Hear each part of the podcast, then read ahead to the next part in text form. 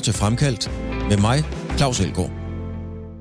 Jesper Vore har rundet de 60 år. Han var engang en af de bedste cykelryttere i feltet, med blandt andet en etappesejr i Spanien rundt og adskillige sejre i UCI-løb.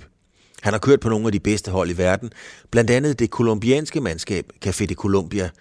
Jesper Vore boede i Bogotá, Colombias hovedstad, samtidig med at narkokongen Pablo Escobar var i krig med regeringen, og oprørsbevægelsen også var i krig med regeringen. Det er på alle måder en vild historie, og den kan du høre Jesper Vore fortælle lige nu i Fremkaldt. Jesper, du er blevet en, øh, du er blevet en voksen mand, kan man sige. Det er jeg også, vi er sådan nærmest jævnaldrende. Hvad er det for nogle tanker og overvejelser, man gør sig, når man er Jesper Vore i forhold til at blive voksen? Ikke så meget det fysiske, fordi jeg ved godt, du kan cykle op ad Alp d'Huez. Måske knap så hurtigt, som du kunne engang. Men alt det andet.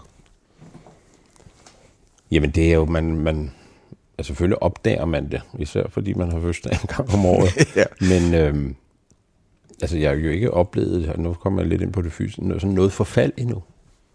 Jeg føler mig jo frisk, som da jeg var i, i 40'erne. Mm. Og så indimellem kan jeg, tænker jeg, at jeg er lidt naiv, altså. Fordi jeg, jeg har jo rundet 60. Mm. Og, øhm, og så er det jo lidt der, hvor lang tid har man tilbage, og hvor lang tid skal man lave det, man laver. Men det tager jeg sådan Når, når du siger, hvor lang tid har man tilbage? Ja, til i arbejdslivet. Nå, du tænker så- i arbejdslivet, ja. ja. Fordi, ja. Og det, det, det ved jeg ikke. Men så længe jeg er, jeg er fysisk frisk og, og elsker at lave noget, Mm. så, så... Men altså, årene går. Det, må, det, er jo, det er jo faktisk... Men hvad, hvad, Ja. hvordan, hvordan tænker du det, Jesper? Fordi at, at udadtil, så er du sådan en kompromilløs mand, som, som, som tager stilling til ting. Men altså det her med at blive gammel, det er jo ligesom at blive dømt for noget, man ikke har gjort. Ja, der er ikke, vi kan ikke rigtig gøre noget ved det. Vi kan prøve, jeg prøver at passe rigtig meget på mig selv. Mm. Også fordi jeg har fået bedre tid. Sådan så... Altså lave noget. Ja. Jeg rører mig. Og jeg cykler også en del, men jeg cykler aldrig stærkt mere. Nå, Og har haft, øh, hvad hedder det, sådan hjerte, det hedder jo hjerteflimmer. ja. Og også fået blevet opereret for det. Mm. Og, øh, og det er på plads. Men øh, det vil sige, at jeg, jeg presser aldrig mig selv mere. Jeg elsker at cykle. Ja. Stille og roligt. Jeg siger tøffer rundt. Altså, altså i ordets oprindelige forstand. Ja. Jeg kører ikke særlig stærkt. Men hvad så, når du er ude og køre med drengene? For du kører jo en Jeg gang kører ikke med drengene mere. Du, du kører ikke, og når jeg siger drengene, så er det jo Vækkerby, Holm og hvad de hedder alle sammen. Ja, det, det gør jeg faktisk ikke mere. Nej, af samme årsag altså. Nej. Men altså, jeg kan godt sidde på hjul. Ja. Noget af det, man ikke glemmer, det er jo at- sidde godt på hjul. Ja. Og det, det gør jeg også en gang imellem at møde nogen, men altså, jeg kan faktisk bedre lide at køre i skoven og køre på gravel. Lige i øjeblikket det gravel. Ellers har det været mountainbike i mange år. Ja. Og det er jo sådan en grundmotion, og så har jeg en romaskine, og har et lille center, træningscenter derhjemme, og ser nogle serier, mens jeg styrketræner. Ja. For det har jeg læst mig til, Mm. at musklerne forsvinder fra du runder 30, hvis du ikke rører dig. Mm. Og så har jeg læst en anden ting, jeg synes var intelligent, at fedt på kroppen forbrænder ikke.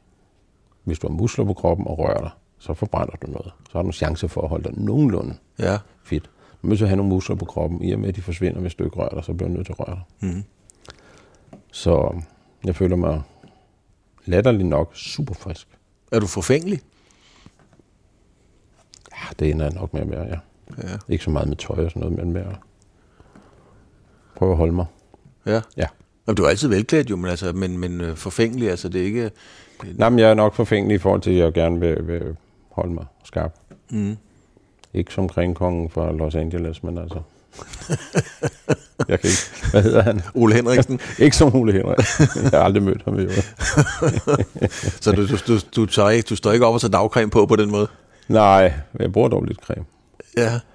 Ja, ja, så man ikke kommer til at ligne lige for hurtigt. Mm.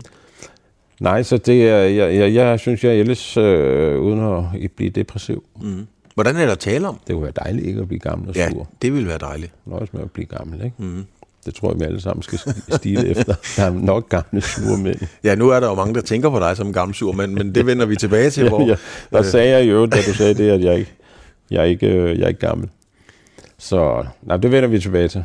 Ja, men, men hvordan er det sådan at tale om for dig? Altså, er, det sådan noget, er du afklaret med det? Altså, jamen, jeg er jo fylder 60 næste år, så, så jeg skal da også tale med mig selv en gang imellem om, om, om øh, er jeg afklaret med det egentlig? Og det kan jeg ikke blive enig med mig selv om. Nej, det er, det er sådan også lidt, men, men jeg er afklaret med det. Ja. Jeg siger ikke så tit højt, hvor gammel jeg er. Jeg er jo på den, på den side af 60. Der. Mm. Ja. Tænker du nogensinde på, fordi det gør jeg da, hvis man laver tidslinjen og siger, her er midten, og man i øvrigt sådan klarer gennemsnitslevealderen, så er der faktisk ikke så langt derop. Altså, tænker du på det, eller er det sådan, fortrænger du det? Eller? Jeg fortrænger det og håber, at, at, at, at, at, at der er 20 gode år tilbage, mm. hvor man er frisk. Alle drømmer om at, at holde sig friske længe. Og så, jeg lige vil sige, forsvinde lige pludselig. Mm. Øhm, og, men det er jo en, delvis op til en selv. Ja, det er et ansvar, man har. Ja, noget med at holde sig i gang og prøve at passe lidt på vægten efterhånden, som man bliver ældre. Ja. Så, og så er det også ens eget ansvar. Og så det, jeg har været i, i forbindelse med vores sundhedssystem, og jeg har været vanvittigt tilfreds med mit hjerteflimmer. Øh, hvor jeg her halvanden år efter, det er jo sådan en operation op gennem lysken. Ja. Og hvorfor jeg siger operation, det er, fordi man er væk i tre timer, det er ved fuld narkose. Mm-hmm. Og så er du inde og, og ja, brænde, siger man, nogle nervebaner rundt om hjertebanen, som giver en forkert impuls. Mm. Så i stedet for at have, have, have have et, øh, små hjerteslag, så har, ender du kommer du tilbage med at have en puls, der slår, mm. som den puls nu skal slå. Og det lykkes anden gang. Og det er en operation. Du får jo også død i forbindelse med den, for at bringe, bringe hjertet tilbage i, i normal. Da, da, da alt det sker, du opdager det, var du bange, eller hvad, hvad sker der? Nej, men jeg bliver jo presset. Altså, i og med, at jeg ikke havde en, en, en, en regulær, ordentlig pulslag, mm. så bliver jeg hurtigt forpustet. Også på i teorien, hvis jeg skulle løbe efter bussen og sådan noget. Mm. Og øh, på grunden til, at vi lever længere, 7 i 13, der var tre, det er jo, at de er især hjertesygdommene, har de, øh, tager de fat om os, vores system. Men er det ikke en... Øh, ja, og synes... det, er jo, det er jo grunden til det, fordi hvis du, det, er jo, det giver en blodprop ja. før eller siden, hvis du har hjerteflimmer, fordi du ikke får et ordentligt øh, hjerteslag. Men, men det er jo en, jeg vil ikke sige en klassisk syg, det er jo en klassisk topatlet-ting, fordi hjertet er jo en muskel, der bare vokser. Øh, der er jo flere, der er jo flere øhm, topsportsfolk, der har de her store hjerter, tror jeg det hedder. Ja, det har jeg også, men kun sådan delvis forstørret. Det er ikke sådan kæmpe. Nej. Men øhm, selv her land år efter skal jeg til, til eftersyn. Øh, får en ultralydsscanning af hjertet og, og EKG og sådan De passer på. Mm. Det er enormt ro over. Mm. Ja. Og Jamen. så sagde en af professorerne, lad nu være med at køre, ligge og køre rundt og tro, du kan vinde Tour de France igen. Slap af. Motionere, men lad være med at ligge og presse dig. Helt vildt. Kan du så godt det, fordi det, du helt har... uden problemer. Helt uden problemer? Ja, jeg elsker ikke at, at, at have travlt. Og, okay. Ja. Ja, fordi det er jo en del af, din, af, din, af, din, af dine gener og hele din DNA, det her med at være konkurrencemand. Og, altså motionister i dag, nu er det sagt med kærlighed, de er jo vanvittige. Det er jo elite-motionister. Altså, så... Der er rigtig mange motionister, der er helt vanvittige. Nu har jeg lagt sagt helt foran. Helt vanvittige i, i forhold til at køre stærkere mm. og træner fantastisk vanvittigt meget for, for at kunne køre stærkt. Ja. Og køre for tosser som mig, da jeg begyndte også, eller da jeg også har kørt motionsløb. Mm. Og det er størst fornøjelse at køre på nogen, der har, mm. der har kørt tidligere. Men jeg tænker bare på, når der kommer sådan Og tog... der er jo trafik i motionsløb, og det er ja. halvfarligt, og man tænker, wow, skal jeg ikke lade være med det her? Men når der kommer sådan to af de der godser og en tosser, og kører forbi i deres nye tøj og sådan nogle ting, har du så ikke bare lyst til at træde lidt i pedalerne? sådan helt instinktivt? Nej. Nej? Faktisk ikke. Jeg kan sagtens, jeg, jeg, hvis der kører nogen forbi, og så kører jeg med, altid med på hjul. Ja. Det er instinktivt. Men jeg er ikke... Øh, jeg, jeg er helt nede ved jorden. og det er en fornøjelse at nå dertil. Derfor siger jeg også til alle, at jeg tøffer rundt i, i skoven på min gravelcykel. Så har vi snakket lidt om, at du, øh, at du er blevet ældre, Jesper altså, og det bliver vi jo alle sammen. Alternativet er i hvert fald ikke rart at tænke på. Øhm, tror du, at altså, der er jo mange, der ikke ved, at du har kørt på cykel, hvis vi tager den unge generation. Altså oplever du det, at, at de kender dig som, som øh, altså Danmark rundt, de kender dig fra, så fra UCI og så videre, men det der, at du selv har trampet i pedalerne, som en af de allerbedste, det er jo ikke alle unge mennesker, og her snakker vi helt op til 25 år, der rent faktisk ved det. Nej, det er rigtigt. Det er, ja. Og det fordi jeg har haft en, en meget lang karriere med Danmark rundt, og direktør for Danmarks Cykelunion og alt det her, så, så det er nok det, jeg, altså det er det, jeg er mest kendt for. Og jeg oplever mig selv som et eller andet sted tidligere cykelrytter. Mm-hmm. Øh, da jeg, det er jo sådan, mens jeg, jeg er direktør, jeg er sportschef, Lars Bunde er landstræner, han er afsted med A-holdet. Så tog jeg tit B-holdet til, til øhm, U23. landsholdet. Og så kørte vi de jyske løb på Søm Herning, Aarhus, jeg har været i Frankfurt med de unge. Der er et år, vi kører til Frankfurt, og det er, der er det en, en vandborg, der er 23 rytter, blandt andet. Glenn Bak og sådan noget. Den årgang. Og mens vi kører derned, så, så, så hører jeg fra bagsædet, jeg tror, det er fra Vandborg. om, om jeg i hele taget selv havde cyklet. Nå, vi er lige ved at køre galt. jeg skal lige sige til lytterne, at Brian Vandborg har jo selv kørt Tour de France, bare for at nævne noget, ikke? Ja, jeg har en lang karriere bagefter. Og, øh, og så bliver jeg nødt til at forklare, ja, jeg har faktisk kørt 10 år for professionel. For ikke så længe siden. Altså, det var nærmest kun 10 år senere, det her. Hvad, tænker man så? Jamen, jeg tænkte, det var alligevel utroligt. Altså, om jeg var jo også selv så forholdsvis uvidende, da jeg kom til Italien, eller mens jeg var altså ung i Danmark og sådan noget. Mm. Øhm, men så har jeg jo haft fornøjelsen af at kunne, kunne fortælle dem, at jeg trods alt har kørt. Hele den generation, når vi var til VM, og jeg var holdet til VM, var jeg også med ude at cykle en gang med dem. Ja. Og så, så, så dem har jeg lært, at jeg havde cyklet, trods alt. Ja. Og stadig kunne cykle lidt dengang. Mm. Så, og så alle de år, jeg har spiket, vi taler jo ikke særlig meget om, hvad vi selv har lavet en gang imellem, så får vi lov til en røverhistorie. Ja. Men øh, vores røverhistorier, de, de er nu helst sådan i forbindelse med et eller andet sjovt. Og på en anden kanal, det vil da sige, at Rolf han nævner det nogle gange, hvad han har lavet. Han har nævnt nogle gange, hvad er sine resultater. Ja, vi vil helst nævne det her, hvis vi har et eller andet grine i samme forbindelse. Ja. Trods alt. Ja. Ja, fordi Morten Stig, min gamle chef, Morten Stig Christensen, øh, som også har været med i det her program, fortalte mig også, at at når han er ude og holde foredrag og møder de her unge, de samme unge mennesker samme alder, altså de aner ikke, at han har spillet håndbold. Altså de, de tænker på ham som studievært på TV2 ja. og formand. De, de aner ikke, at han har kastet med en håndbold som en af de bedste i verden. Nej, og det er jo det, man er mest stolt af. Det er måske det, man laver sådan, mens man er fra 15 til man er 30. Mm. Det er jo det, der præger hele ens liv. De bedste musikere, de er mest kreative fra 20 til, mm. nu siger vi igen 15 til, til 30. Beatles er jo i de år, da de laver deres 11 øh, formidable album. Mm så det er jo de år, man også... Det er dem, der har præget mig mest. Det er jo de år som professionel, trods alt. I, i, i 30'erne, ikke? eller i 20'erne. Der, der er simpelthen nødt til at stille dig spørgsmål, Jesper, og det er sådan helt ud af kontekst. Nu siger du selv Beatles. Jeg er nødt til at vide, er du Beatles eller Stones mand? Beatles. Hvorfor? De er vokset op med, at min far købte Beatles-pladerne, LP'erne. Der er noget, der hedder LP'er. Mm. og satte dem på, og så hørte vi dem. Ja. Nærmest som vi fem brødre, og jeg er den næste yngste. Så hørte vi den nye Beatles-LP. Så, så du er Beatles-mand? Jeg er Beatles-mand. Ja. Man kan bedre og bedre. Ja, dengang kunne jeg slet ikke lide Stones. Det kan jeg bedre og bedre i dag. Ja, ja. Ja, jeg er Beatles-mand.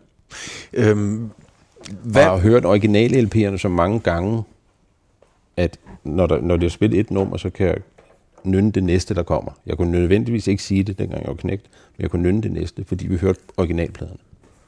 Ja. Og så op igennem, da der så kommer op sammen til album, og der, altså, nummeren ligger på en anden måde, det var ikke meget for. Der var en original LP, en original LP. Sådan er det ikke mere. Men lad os blive i det spor, at, at du, øh, jeg kan godt se et billede for mig, at du hører en, en, en vinylplade sammen med din far. Det giver mig sådan et billede af, af hygge og nærhed. Og sådan. Er du vokset op i sådan et hjem, hvor man gjorde sådan nogle ting sammen? Ja, man havde også travlt med vi fem drenge. Jeg er den næste yngste, og 60'erne er jo...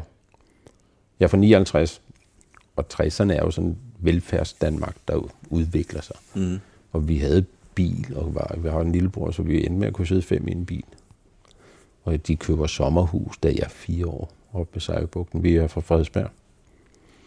Min mor var sygeplejerske, han er amanuensis økonomi og ender med at blive professor i erhvervsøkonomi. Mm. Men det var ikke, fordi han ikke havde travlt. Så så er du fra et hjem, der læste bøger? Ja, og havde en vanvittig travl far. Ja. Ja. Men øh, så havde vi sommerhus, og han tog sin sommerferie fri. Øhm, vi cyklede. Han har også været god til at tage os med på cykeltur. Jeg har været på cykeltur i Nordjylland, Midtjylland, England. Mm. En 14-dages tur, hvor jeg legede la- cykelrytter, inden jeg blev cykelrytter. Mm. Så... Hvem legede du, du var? Altså, jeg, jeg, jeg, jeg kunne godt lide at lege. Selvfølgelig, man var Mærks, og så blev det Argentin og så videre, ikke? Øhm, kan du huske Pakatse? Nej, det må jeg ærligt Det er en russer, der jo var sprinter, men vi er jo til langt tilbage. Det var de i sommerhus, lavede vi sprintermatcher. Vi havde en øhm, vejen, der var en vej, hvor der var en asfaltstribe. Mm. Så lavede vi sprintermatcher for stående 200 meter. Ja. Og der var vi alle sammen hver vores sprinter. Pakatse var en russisk sprinter, samme årgang som Roy Long, Peter Petersen, Fredborg. Trentang. Trentang. Og, øh, og som landvejsrytter var jeg helt vild med Måns Frey. Ja. Dengang viser jeg ikke det nummer, han lavede i Tour de France, ikke var det klogeste, man kunne lave. Nej, det er du er nok nødt til lige at fortælle den helt korte version af det, fordi det er jo en fantastisk historie. Ja, han bliver professionel, og i 1970 kører Tour de France, kommer hjem med Agostinho, som er en af de helt store på bedste portugiser ever. Og, øhm, og Agostinho regner med, at han skal vinde. Og øh, kører en spurt, og han regner ikke med sin holdkammerat. Hjælperytter Måns Frey kører forbi. Måns Frey kører forbi, og, og så hiver Agostinho hjem. Ja, han tager fat i stangen på, på sadlen, ikke? Eller? Ja, jeg tror, det er på hoften. På hoften, okay. Og så um, bliver han disket, og Måns Frey vinder. Ja. Og det var helt uhørt. Ja. Og han kørte vel også kun en sæson, Måns Frey. Ja, jeg skulle lige sige, så kørte han ikke så meget mere på cykel. Men uh, har en etape sig i Tour de France. ja. Men er en af vores helt store herhjemme op gennem 60'erne. Mm. Olympisk mester i 68 på banen også. Ja. Han er, Jeg kører med. og jeg har stadigvæk Måns. Ja. Bor oppe i Gilleleje af Hornbæk. Sammen med Leif den Lykkelige og, Ja. og, og dem der. Han er overgang med den overgang, ja. Men havde kun én sæson som, som landvejsprofessionel. Ja. Ja, men det er, det er jo romantikken i det, Jesper. Det er jo, det er jo også smukt, og vi skal også snakke om, om, Til de ældre lytter. ja, om der stadigvæk er romantik tilbage i den sport. Det vender vi tilbage til. Men jeg kunne egentlig godt tænke mig at høre, øhm, hvad vil du egentlig helst huskes som? Altså den dygtige cykelrytter, du var, der kørte på nogle af de bedste hold, eller, eller, eller, eller lederen, der jo var meget, rigtig mange år, både i Cykelunionen og, og leder af Danmark rundt. Hvad vil du egentlig helst huskes som? Jamen, det, er der er jo ingen tvivl om, jeg gerne vil huske som en god cykelrytter, men det er jo kun af min jævn, dem jeg kørte med. Mm. Og hele den altså, gyldne generation fra 90'erne. Jeg stopper med udgangen af 92, men har jo nået at køre med Holm, Ries og Rolf og, og kompagni. Og øhm, jamen, der er, jo når vi er sammen og sådan noget, altså jeg vil gerne, jeg, jeg kunne jo, jeg har vundet min 12 løb. Rigtig UCI-sejr. Mm. Og øhm, Ja, blandt, og i Spanien rundt vinder du en etape, bare for at nævne ja, noget. Ja, og på Sion og på Stammer rundt og Tour de las Americas, og, og har egentlig hav af fine placeringer. Mm. Og tre medaljer på banen. Jeg kører stærkt i en, øh, i en årrække. Mm. 15 i Italien rundt, det er jeg stolt af. Ja. Jeg led. Det var det år, jeg lærte at lide, Mm. for at komme med hen over toppen og, og holde sig i den første gruppe, som man kunne køre klassement. Øhm, men, men, men det er jo klart, at det, det fader ud. Det er efterhånden rigtig mange år siden. Ja. Og så er jeg um, meget, meget glad for en periode hos Danmarks Cykelunion, fordi vi udviklede mm. og, og arbejder stille og roligt videre, bygget på skridt for skridt, uden at, jeg er ikke sådan en fantast. Men, du Jeg er bliver, meget jordnær, når jeg også er chef, vil jeg sige. men du bliver ikke sådan øh, pikeret, lidt skuffet, hvis nogen ikke ved, du har kørt på cykel, selvom de måske interesserer sig for cykelsport? Nej. Jeg møder dog en del, der, der siger, at det er ham den gamle cykelrytter. Ja. Og så siger jeg tidligere. Tidligere. Og så kan du hellere, ja. ja. Der er en del, der, men det er jo lidt ældre, der nævner det. mm. Mm. Fordi, øhm, fordi, og så kan nogle gange kan det undre mig over, at de husker mig lidt som cykelrytter, og ikke som alt det andet, jeg har lavet med. Og nu de sidste fem år her med på Eurosport Discovery. Hvis vi kigger på, på, på din karriere, som, som indiskutabel var flot, også med de hold, du kører på osv., men du kører sådan lidt det hele. Altså, du kan køre tempo, du kan køre, du kan køre bane, du kan køre opad 5-6 km stigningerne, har jeg fået videre en, der har forstand på det, der var du bedst. Øh, og du kunne trække felt. Du kunne sådan lidt det hele-agtigt. Ærger du dig i dag over, at, at du ikke ligesom specialiserede dig, og sagde, nu går jeg all in på den del af cykelsporten? Nej, jeg synes, jeg, havde, jeg har haft en rigtig, rigtig fin karriere, synes jeg. Mm. Og prøvede at, at skifte væk fra Bianchi for at blive kaptajn. Og i 86-87 kører jeg på det hold, der i dag er Bardiani med samme ledelse, hvor det fra knægten har taget over, som var mekaniker dengang. Og fik chancen at blive 15 i Italien rundt og vinder Danmark rundt dengang. Ja. Og, øhm, og, jeg og så kører jeg igen 87 som kaptajn. Må udgå af Italien rundt, hvor jeg ligger 18. Men 87 er ikke rigtig god. Og så konstaterer jeg jo, at jeg, jo, jeg mangler lige det sidste for at være kaptajn. Mm. Og så ryger jeg tilbage til Bianchi i øvrigt. Mm. Og kører en super 88 sæson. Alt mens jeg gør det her, kører jeg også bane-VM. Radio 4 taler med Danmark. Så øh, midt i alt det her, Jesper, så på et tidspunkt, så, øhm, Så tager du simpelthen til Colombia for at køre på cykel. Hvorfor gør du det? Fordi at øh, ja, Jørgen V. havde skrevet kontrakt, men i 88 hos Bianchi, hvor jeg kom tilbage, kører jeg stærkt i Tour de las Americas og vinder. Mm. Foran Greg LeMond, der var på vej tilbage, kommer tilbage og vinder to Tour de France med efter sin skudulykke. Og der er Colombia, er kolumbianerne.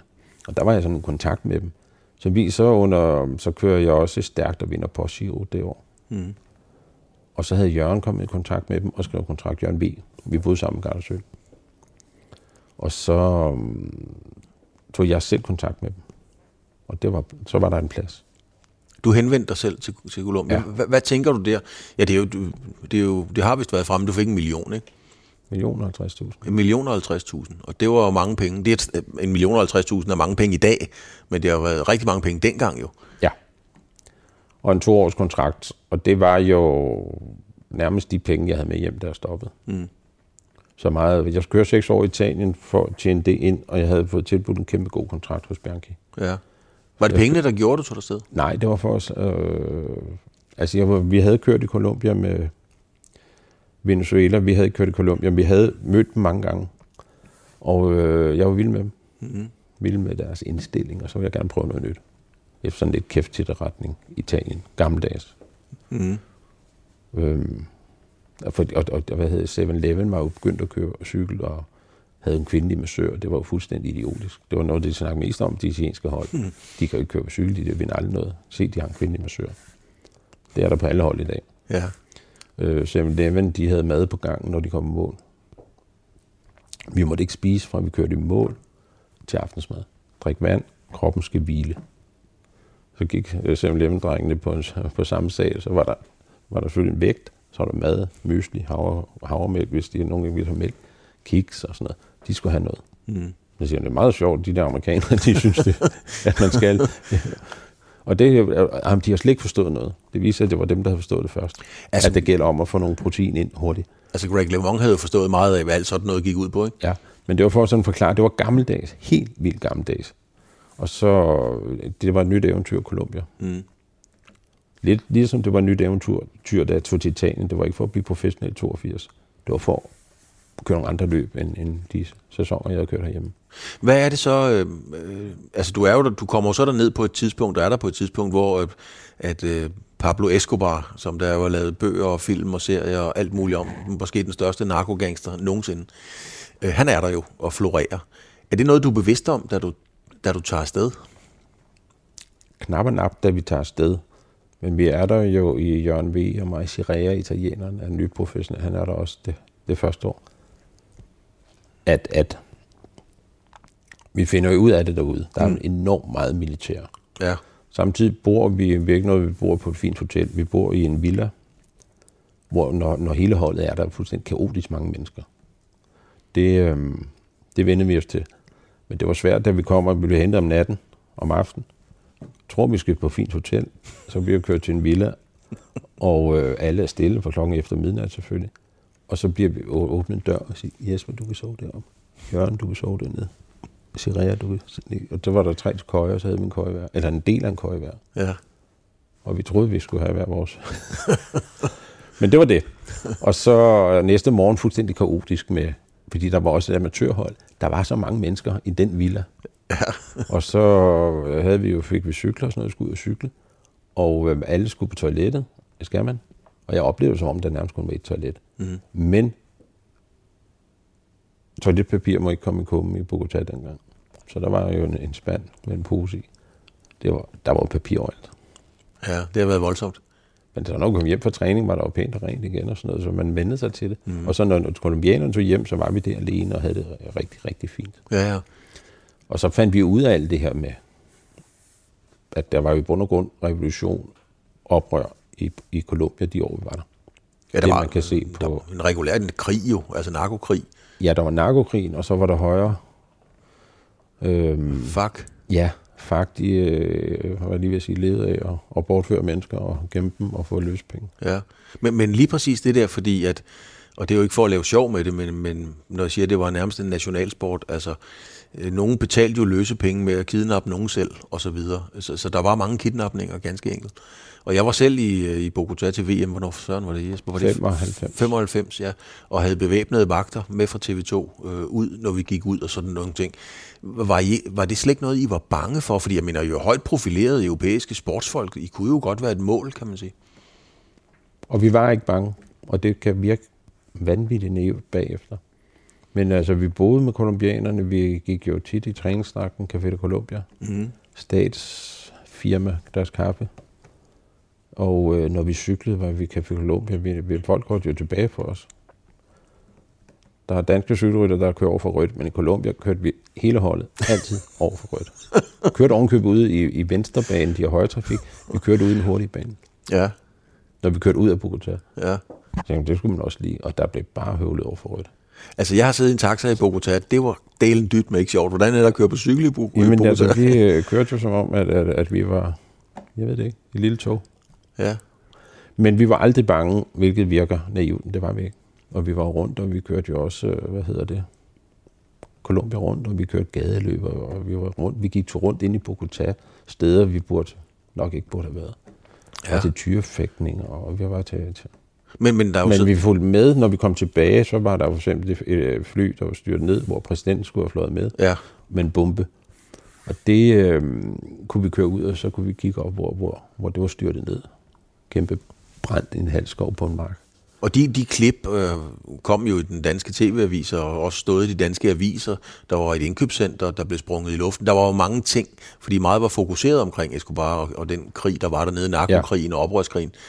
Var, var de ikke bange for jer? Altså fik I ikke nogen... Jeg er godt klar over, at man ikke lige var på internettet dengang, men var de ikke bange? Nej. Der var mange vejspæringer, og når vi cyklede, kørte vi jo pænt rundt om, man stoppede op, og så blev vi vinket igennem. Når du kørte i bil og med holdet, så blev vi også stoppet, og så åbnede de måske lige bagved. Og det var militær. Mm. Og det var fuldt bemandet, altså be- med våben. Men øh, vi følte os, det var ikke os, de var efter. Nej. Og så var der jo, øh, de gjorde meget grin med, at nu var Escobar i husarrest. ja. Og det var jo den, når du siger narkos, at det var også en husarrest, der var forholdsvis liberal. Var Ja. det? ja. Men han gik ned og hentede pizza, når det passede sammen. ja. Og øh, et andet en, de brugte mere som, øh, hvis nogle af cheferne var dumme, eller en chef, så, så kaldte de dem Noriega. Noriega. Ja, det, Man, Manuel Noriega. ja, det var vores ven fra, hvad hedder det deroppe? Panama. Panama, Panama, Ja, ja. Det, det, sådan alle, der var sådan, det var Noriega. De, der, var, der blev ikke sagt så meget Escobar. Nej. Var det, var det simpelthen fordi, at, øh, at det nævner man ikke? Jeg kunne forestille mig, hvis man er på Sicilien, så går man heller ikke rundt og snakker og Nej. siger ordet mafia hele tiden. Nej, det gør man ikke. Men, men, men vi følte os trygge. Vi var i Medellin og startede et, Colombia rundt. Mm. Det var helt, vi gik en tur, og så har vi nogle gange oplevet, der blev råbt af os. Ja. Kom vi tilbage efter alt, hvor vi været, og så siger der må, I, der må I ikke gå ned. Der gik vi rundt i træningsstak Café Colombia. Men det troede vi lidt var vores sådan, sikkerhed. Ja. Hvordan var det, Jesper, at, at være dig, ja, og Jørgen også? Altså, I, I, altså, I var super dygtige cykelrytter, det er jo ikke det. Altså, I havde en vis status, og, og I var stjerner. Cykelløb er, er, er, altså, er stort i, i, i Colombia. Og du var jo, jeg er ked af at sige det, men du var jo en flot fyr. Du var blond, du, du, du havde De helt... kolumbianske piger er også flotte. Jeg skulle lige sige, at det var der, jeg gerne vil hen til, jo. Det, det her er en meget fin race, og jeg vil sige, det er jo mellemting mellem sorte, indianere og europæere og hvide Ja. mestisager. ja. Og det er jo en, en fantastisk øh, blanding. Men det, nå, men det er dit spørgsmål. Undskyld. Nej, det var sådan, jeg kunne forestille mig, at I fik meget opmærksomhed af den retning. Ja, og så gjorde vi det nok ikke alligevel. Altså, vi var, der var jo en periode, hvor vi var alene i Bogotá og Mm. gik over, og vi havde et øh, kæmpe indkøbscenter, eller Lyngby Center. Mm. Og der gik vi og hyggede, og det også godt være, at vi, vi flyttede og charmerede. Var det det center, der blev sprunget i luften? Det var et center, hvor der blev kørt en, altså sat en bombe ind på størrelse med en øh, ølkasse og sprang, Ja, mens vi i Europa. mens I i Europa. Der ringer mig og Jørgen sammen og siger, at det er alt andet lige Jørgen, vores center, Mm. som havde sådan en stor hall. Det var nærmest vores, øh, når vi havde trænet og fået frokost, og så gik vi, så var vi derovre og hygge. Men du har ikke overvejet på et tidspunkt at blive der? Altså at tænke, her er dejligt at være, her kan jeg godt lide at være. Du skulle selvfølgelig have noget arbejde, og nu ved jeg ikke lige, om holdet ville forlænge med dig, men du, du, der er mange fodboldspillere, der slår sig ned i Spanien, hvis de har spillet der, kan man sige. Hvis jeg overvejede noget sted at være og blive, så var det Italien. Så er det Italien. Jeg elsker at være i Colombia, men vi var jo for at træne og, og cykle. Mm. Og, og vi kom jo tilbage i 95, det VM, du også taler om, hvor jeg var holdleder for, for de professionelle. Og havde fantastiske 14 dage i Colombia. Mm. Elskede at være i Colombia. Mm. Og mødte mange af dem, jeg havde kørt med. Og der var en cykelbutik oppe i Chutama, hvor var, vi havde ikke noget cykelstativ med. Og så havde jeg en, kørt med en, og han havde en cykelbutik i en lokal by. Og en, en cykel, og der lånte jeg en cykelstativ. Jeg siger, hvor kan vi skaffe sådan et, og hvordan noget? Mm. Jamen, du tager det her. Jamen, så har du ikke selv noget. Det er dig, der har en cykelbutik. Så lånte vi det i 10 dage. Hmm. Vil de kunne huske, altså ikke alle mennesker på gaden, men nu har jeg oplevet nogle af de professionelle fodboldspillere komme tilbage, blandt andet til Italien, at de er jo forgudet, selvom det er lige så mange år siden, de spillede der, som du kørte i Colombia. Er der nogen, der vil kunne huske dig, hvis de fik at vide det, Jesper Vore? Ja, det er der. Ja. Blandt andet også det, når jeg er afsted, og vi møder kolumbiansk radio, som stadig er der. Ja. Og, og øh, de husker de år der. Og det er mange år siden, vi snakker 89-90. Ja, det er mange år siden. Er et par år siden. Men vi, vi var en forholdsvis succes, fordi øh, Herrera vinder to etaper i Sion mm. i 89. Og øh, det kun på grund af snevejr, han ikke øh, han ligger tre, da det, vi kører en frygtelig snevejrstap, som der er to af træk. Så der var han blevet top 3. Altså for lige at, jeg tror det hedder, perspektivere, hvor stor, øh, hvor stor cykling er derude. Herrera, han bliver kåret til sydamerikansk sports, årets sportsnavn, ikke? Jo, i 87, hvor han vinder Spanien rundt. Ja, og lige 87 kan jeg huske, der var også en, den lille fede, Diego Maradona. Som nærmest blev årets sportsmand hvert år. Ja. ja. Men øh, i 87 er det Herrera. Det fortæller jo lidt om, hvor stort det er. Ja, og han var kæmpe i Colombia. Ja. Besøgte ham også nede i sin, hans hjemby, Fusa Gasuga. Og øh, hvor han havde et lille... Ja, det er jo, det er jo, det er jo, det er jo lige et motel. Men dengang, det er et motel, hvor man kørte ind, stille sin bil, og så var der et værelse med en seng ovenpå. Ja. Og der var ovenikøbet porno på, på kanalen. men, men det var, de, du kunne gemme din bil. Ja. ja. Men øhm, det var fint for os at bo der. Og så op i hans øhm, agenda. Og når vi kørte rundt i hans bil, en BMW øh, åben, den stillede han ulåst med nøglen i. Den var der ingen, der tog? Nej, det var der ikke. Det var nærmest sige, alle passede på den. Ja. ja. Og Lucho var, var, var stor, men ikke mindst på, på hjemmebane. Mm. Når, når, når folk gik på hotel og var ude at spise med Lucho, så, altså, så blev vi behandlet pænere, Jørgen og mig, når vi kom bagefter. Mm. Fordi det, vi havde ham med, haft ham med og så videre. Jesper, det der med at blive behandlet pænt, øhm, der er jo sket meget. Der har været MeToo og YouTube, og der har været alle mulige bevægelser og ting, og så jeg mange ting har rykket sig, og, og tak for det, kan man sige, i mange sammenhænge. Hvordan var, skal vi sige, arbejdsmiljøet, klimaet på, på for eksempel det italienske hold dengang i forhold til i dag? Altså var der, altså, var der mere kæfttrit og retning, eller hvordan foregik det rent faktisk? Nej, men var, der var meget færre voksne, det vil sige rytterne, og så to sportsdirektører, så var der en, en tredje sportsdirektør, man tog ind. Mm. Med søerne var tidligere ryttere, og mekanikere var i bund og grund også tidligere ryttere. Men altså i starten af 80'erne var der nul videnskab. Den kom med motor i 84, og så tog de andre hold det ind. Øh, at vi begyndte at køre en pulsur og sådan noget. Men, men ellers var det træning, træning, træning, og man skulle selv. Jeg var min egen træner. Det var jeg i bund og grund alle år. Mm. Hvilket lyder helt vildt, fordi man er ikke selv dygtig nok. Det er man, når man er færdig. Der ved man, hvad man gjorde forkert, men det ved du jo nærmest ikke undervejs. Men hvis man tager sådan en historie som med Mogens Frey og Augustinho, som, hvor, hvor han ikke Altså, han, han vinder, men hans kaptajn hiver fat i ham, fordi det må han ikke, og bagefter en bandlyst for cykelsport. Det fortæller jo lidt andet om et eller andet hierarki, som er fuldstændig vanvittigt. Ja, men det var så nok endnu værre i de år i, i, i 1970. Ja. Øhm, for jeg tror, det til og med 78 måtte du skubbe, eller holdkaptajnen måtte holde dig i hoften. Mm. Jeg tror, det er 78, man beslutter, nu, nu er det slut.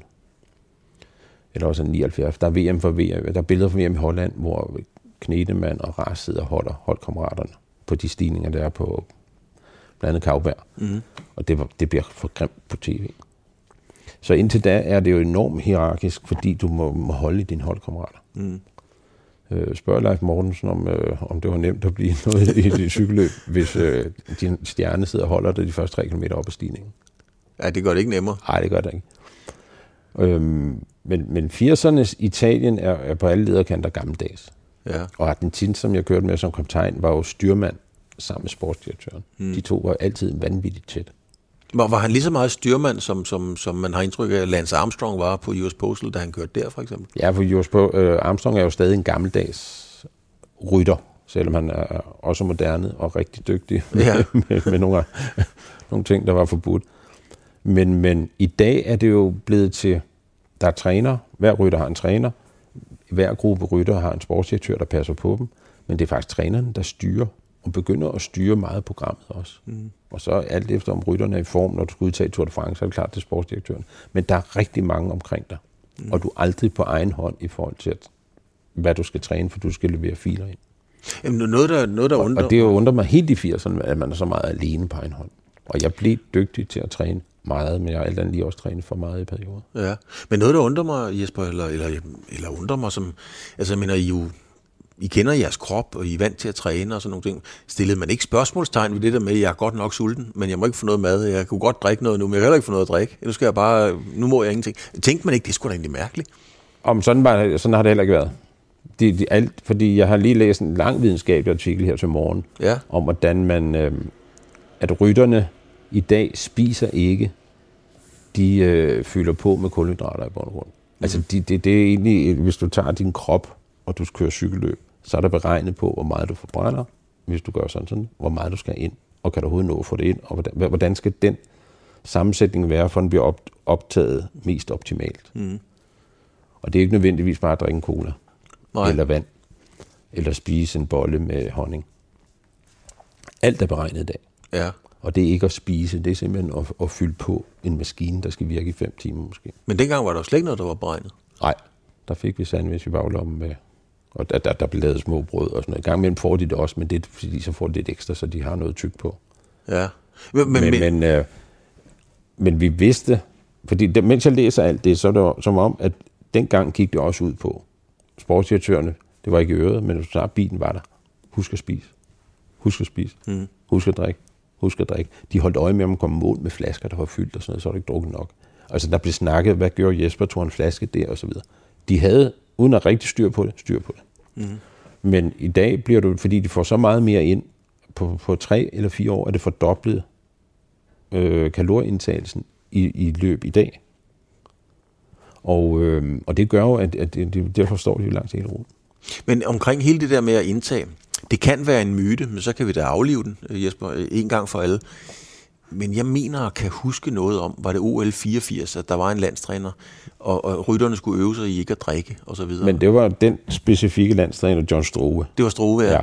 ja. øhm, som ikke er her mere. Mm. Men han havde fået det galt ind, og, og hævde dem jo nærmest ud i den kaliforniske ørken. ja. Og så skulle de ikke drikke, fordi så kunne de lære at drikke mindre, når de skulle 100 km holdløb. Ja.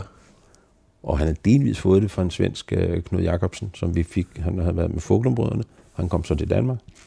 Og han synes jo også, at jo mindre man drak, jo bedre hold, jo mere kunne man vende kroppen til at ikke at drikke. Og der findes ikke en, der vil sige, at det er rigtigt i dag. Nej, og det er slet ikke for, at vi skal tale dårligt om Struve, som jo ikke er her mere, og, og sådan nogle ting, men det er bare for at, at, at danne et billede på, at, at der var vel ikke ret meget viden, når man laver sådan en stunt dengang. Nej, det var der ikke, men, men, men der blev også gjort oprør. Ja. Altså Skiby øh, vendte om. Ja. Hvordan vendte om? Jamen Skiby og Struve blev uvenner over det der. Okay. Du skal først spørge Skiby om historien, fordi det, det var ham der, der, der gjorde oprør. Det gad han sgu ikke. De var nemlig at besvime af, af solstik og væskemangel. Først Skibby ja. Ja. bliver vred på den ja, måde. Ja. Og det er 84, men øh, jeg har kun oplevet, at, at man ved godt, der skulle væske og forplejning og energi ind. Mm. Og når man går rigtig koldt, så er det jo energikoldt. Mm. Altså når sukkertom, og det, det er jo også det, han gør i år på Gancia. Så selvom man gør så meget, når etaperne bliver kaotiske, hvad den blev, øh, Granon, kolde Granon-etappen, så gik Pogacar også kold. Der er der manglet de der 3-4-5 km. Jesper, nu, nu vi, jeg siger Jesper, øh, jeg, jeg tænkte lige på Skibby, det er jo ikke, det er jo hvor jeg sidder sammen med. Jesper, hvor prøv at høre, nu har vi siddet her og talt i 41 minutter, og, øh, og, og alle lyttere har jo fået et klart indtryk af, at du er en underholdende, øh, sympatisk mand. Det er der måske nogen, der ikke synes, men, men, men du er godt selskab. Men der er også alle dem, der sidder og lytter, de har jo også set dig i fjernsynet som værende den der meget sammenbitte, øh, nogen vil sige måske vrede, sure mand. Hvordan hænger alt det sammen? Der sagde du ikke gammel, det var godt. Nej, det er det, fordi det kunne jeg se på dig i starten, at det var du ikke brugt dig ikke om. gammel. Nej, Jamen, det var min lov som, øh, som direktør i Danmarks Cykelunion. Mm. Øhm, om, jeg er ikke sur. Nej. Men jeg var jo i, vi havde mange, et, mange grimme år, lad os sige fra 98 og 10-12 år frem, hvor, hvor dopingproblemer fra Festina skandalen, som er 98, og de næste 10, 11, 12 år, de er grimme. Ja, hvordan, altså også i forhold til den, jamen det er i forhold til, at der var mange problemer. Ja med også danske rytter involveret. Og vi havde en Hamburg som den første EPO-sag i Danmark. Mm. Det er jo, eller i, i verden. Der blev vi ringet op i UCI. Er du på arbejde? Ja. Står der i nærheden af faxen? Ja. Vi, tillykke, vi sender jer den første positive EPO-sag nogensinde. Tak. så gik jeg ind til faxen, så kom den kørende igennem. Var det på Hamburger? Det var på Hamburger 01. Og det er jo, når man så skulle, når, når sagerne så kom ud, og man skulle tale om dem, så det er jo svært at stå og synes, det er altså, vanvittigt morsomt. Så det var jo mange problem, problemsager. Ja. Og det var det i de 10 år. Og det er jo samtidig med, at vi lavede Danmark rundt, og det udviklede sig og udviklede sig, og, og nu er Pro Series lige under World Så, så, så vi lavede VM, vi lavede øh, VM på bane, VM på, på landevej. Men det er klart, de år hænger nok ved. Hvordan? Og 25, jeg har lavet 25 års Danmark rundt. Det er klart, det var, det var, det var 10 meget voldsomme år for cykelsporten. Og også for dansk cykelsport. Fordi... Ja, hvordan, hvordan var det for dig? Personligt, altså? Det var, det, det, var ikke sådan, at jeg lå søvnløs over det, fordi, men, men så var der sager, der blev personlige, og det var irriterende. Mm. Og den, der topper på Hamburger-sagen, var jo lang, fordi han ankede. Han har så siden indrømmet, at vi havde ret, og alligevel kørte det jo tre år i retssystemet. Mm om, at vi ikke kunne udelukke ham fra landsholdet. Til sidst lå vi være med at udtage ham, uden at sige noget. Altså, det var, det var jo barnligt, sådan juridisk barnligt, at man kan ikke sige, at man er udelukket. Vi kan bare lade være med at udtage, for det var også der har udtagelsesretten. Mm. Eller det har landstræneren forbund. Men hvordan var det, Jesper? Fordi at jeg men, men siden har han jo altså, indrømmet det hele. Ja. Og men, det er jo det, der er sjovt, at han så dengang skulle kæmpe og gøre det personligt, mod, delvis mod mig, men også mod Danmarks Union. At vi var efter ham. Det var vi sådan set ikke. Vi prøvede at kæmpe ja for de rene rytter. Og det har vi tilladt at sige lige siden. Og vi indførte jo nogle ret strikse ting, hvis de havde en høj hemogrit, ville vi ikke udtage dem til landsholdet et år, inden man kunne måle EPO direkte. Og hvis de havde en rigtig positiv øh, to års udelukkelse, så var de, ville de ikke blive udtaget landsholdet resten af Bemærk, jeg siger ikke udtaget. Mm. Jeg siger ikke udelukket. Nej, nej, nej. Det lærte jeg så dengang. Ja, men det var, men det er rent juridisk. Det var for deres egen skyld jo, af sikkerhedsmæssigt, sundhedsmæssigt Ja, det var så selve hemokrit-ting. Men der blev taget meget EPO i de år. Det kan man... Også blandt danske rytter. Det tror jeg godt, vi, vi kan sige, uden at få et sagsanlæg. Ja. Øh, men men jeg, da jeg var på TV2 og var ude og holde foredrag og sådan nogle ting, og så det var næsten lige meget, hvad jeg startede med at snakke om. Er der nogle spørgsmål, så spurgte de jo alle sammen, øh, hvorfor er I så meget efter de cykelrytter, og de dopede alle sammen og alt det der. Da, da det starter, og du sidder Og det er jo jo faktisk det, selv i dag, at når man siger det, de var jo alle sammen, så siger jeg, nej, medicin virker forskelligt på raske mennesker. Mm. Og vi snakker raske mennesker, og du tager... Altså Bjarnes indrømmelse, han får jo sagt 6-7 medicamenter i nærmest i sin første sætning. Ja. ja. Og det, det ændrer en cykelrytter fra at være en god cykelrytter, eller en halvgod cykelrytter, til at være en vedløbshest. Ja. Men, men, men hvordan, ja. Jesper, i, i, hvordan den, havde den du det? pakke der, den ændrer virkelig. Men havde, hvordan havde du det i forhold til det? Altså fordi Bo Hamburger, som du siger, er så den første EPO-test. Altså hvad tænker du?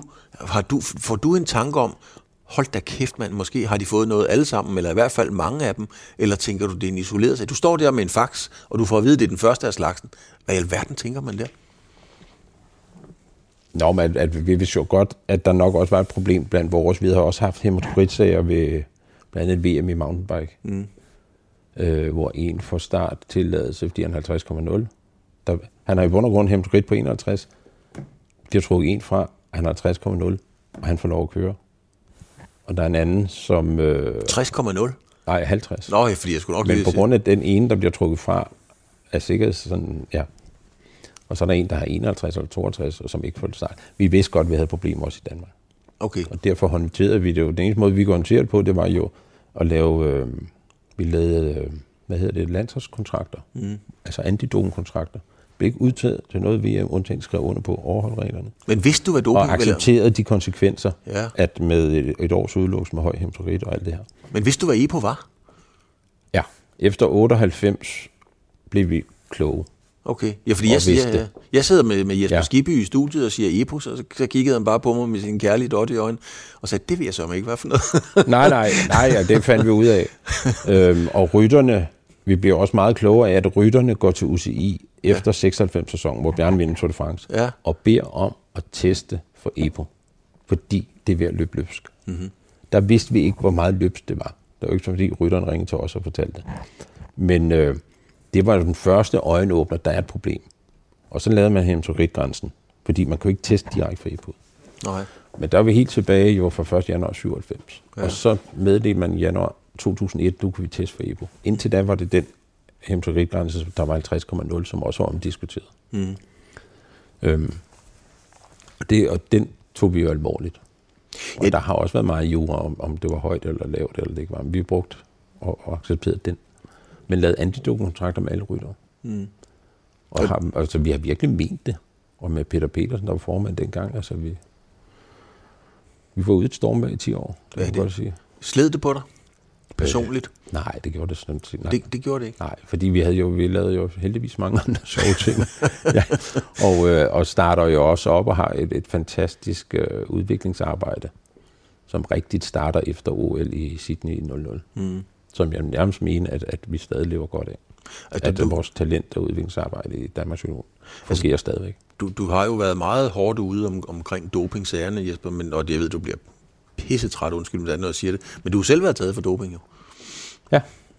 Øhm, og, og så ved jeg godt, du, nu siger jeg bare, nu tager jeg bare lige dit svar og siger, ja, og det er også fuldstændig vanvittigt at bringe det ind i det, fordi sådan og sådan og Nej, sådan. nej, nej, jeg er glæde for at sige, fordi øh, den, den står jo. Ja. Øhm, jeg er testet positiv for am- amineptin Ja. under seksdagsløbet i 1992, min sidste sæson. Mm-hmm. Og det er, jeg kan nu ikke engang huske, hvad, hvad det hed, men altså det var egentlig et opkvikkende stof, der går på hjernen. Altså det er et antidepressiv. Det kan det være, jeg skal prøve det også. Ja, men det, jeg vil lige vil sige, at det ikke findes mere. Men, men det sammen med koffein, Mm. mente vi gav et boost. Det var vores finalepiller. Det blev sidestillet med koffein, det kan jeg huske. Nej, når jamen, koffein har været på listen, men Ja. har været long gone lang, efter væk fra listen. Det her var finalepiller hos rigtig mange cykelrytter. Mm. Og sammen med koffein, måske gav det boost, måske gav det ikke boost. Og, øhm, og det lærte jeg i løbet af 91 sæsonen. Og så, så til seksdagsløb, ikke noget med amfetamin, ikke noget, som ellers har, har, har været under seksdagsløb tidligere. Øh, og det er til søndagens jagt, hvor jeg på en eller anden måde uoplagt, som er en eftermiddagsjagt. Mm. Der, der tager jeg um, min lille mixture med koffein og det her, og, og skal til kontrol, Mm. og tænker slet ikke over det. Jeg er sikker på, at det ikke er positivt, for det er ikke positivt. Det er det, vil sige. Mm. Og øh, finalpiller er jo ikke positivt. Øh, koffein er ikke positivt. Jeg havde været på listen, var, var væk. Og så bliver jeg ringer efter en måned senere og siger, at prøve positiv. Mm. Jeg siger, det er jo muligt. Jeg har ikke taget noget. Jeg har ikke taget noget. Og så um, er på Sicilien rundt, og så spørger jeg om øh, nogle massører. Jeg siger, men øh, synkrodin, det, nej, hvad siger det hedder? Det hedder Ja, det hedder, Gonatropi. Nej, det hedder det ikke. Det hedder... Nå, så spørger jeg nogen, jamen det kom på listen fra januar. Så siger what? Så ringer jeg hjem til Kai Carlson, der er sekretær for forbundet næste dag, og siger, jeg har taget det, og det kom på listen fra januar. Tjek det lige. Og det var en laboratorium oppe i Jødeborg. Og så meldte han tilbage, at det var det. Godt, så er der ingen B-prøve. Jeg indrømmer. Mm. I har ikke sendt mig nogen liste. Kai, du er sekretær for forbundet. Vis mig, at, at I har informeret os om, at, at det kom på listen. Ja, men det kunne han ikke, og sådan noget. Så, jamen, så står jeg vel til en frikendelse. Men I- jeg, jeg, og så fik jeg 12.000 kroner bøde af Ja. forbundet. Og tre måneder. Betinget. Betinget, ja. Ja, jeg kørte lykkeligt videre. ja. Og, øhm, og det var det.